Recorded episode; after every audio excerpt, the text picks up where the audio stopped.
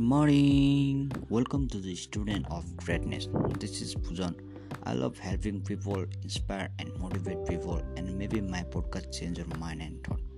This podcast is especially for student as well as for anyone. Today my topic is about believe in yourself.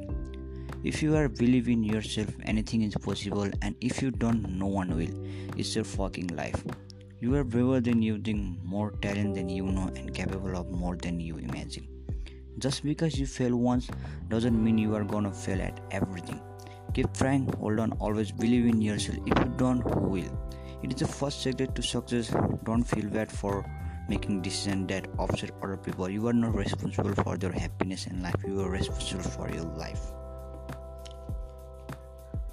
Khabib Nurmagomedov is the Russian professional mixed martial artist is two-time combat sambo world champion and the reigning UFC lightweight champion with 28 wins and no losses. He was the longest active undefeated streak in MMA. Khabib is the greatest UFC fighter. He always say, if you believe in yourself and believe in God, you can do anything and your fight will be great. If you will believe yourself, then you believe in God. One time Conor Anthony McGregor, who is an Irish professional mixed martial artist and boxer, he is a former Ultimate Fighting Champions, featherweight and lightweight champions.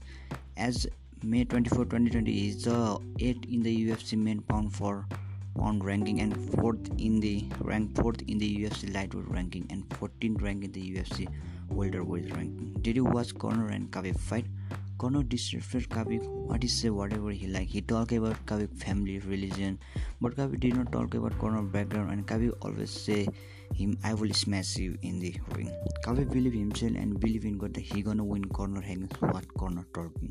So then Khabib win against Conor in the MMA. Then he show the world that if you believe in yourself and God, you can win whatever you want. I respect both fighter. I'm fan of both fighter. I love that MMA match and that match I never forgot. I love you Khabib and Conor. That match is the best fight of my life.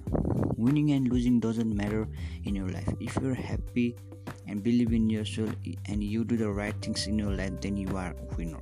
A winner never quit. A quitter never win.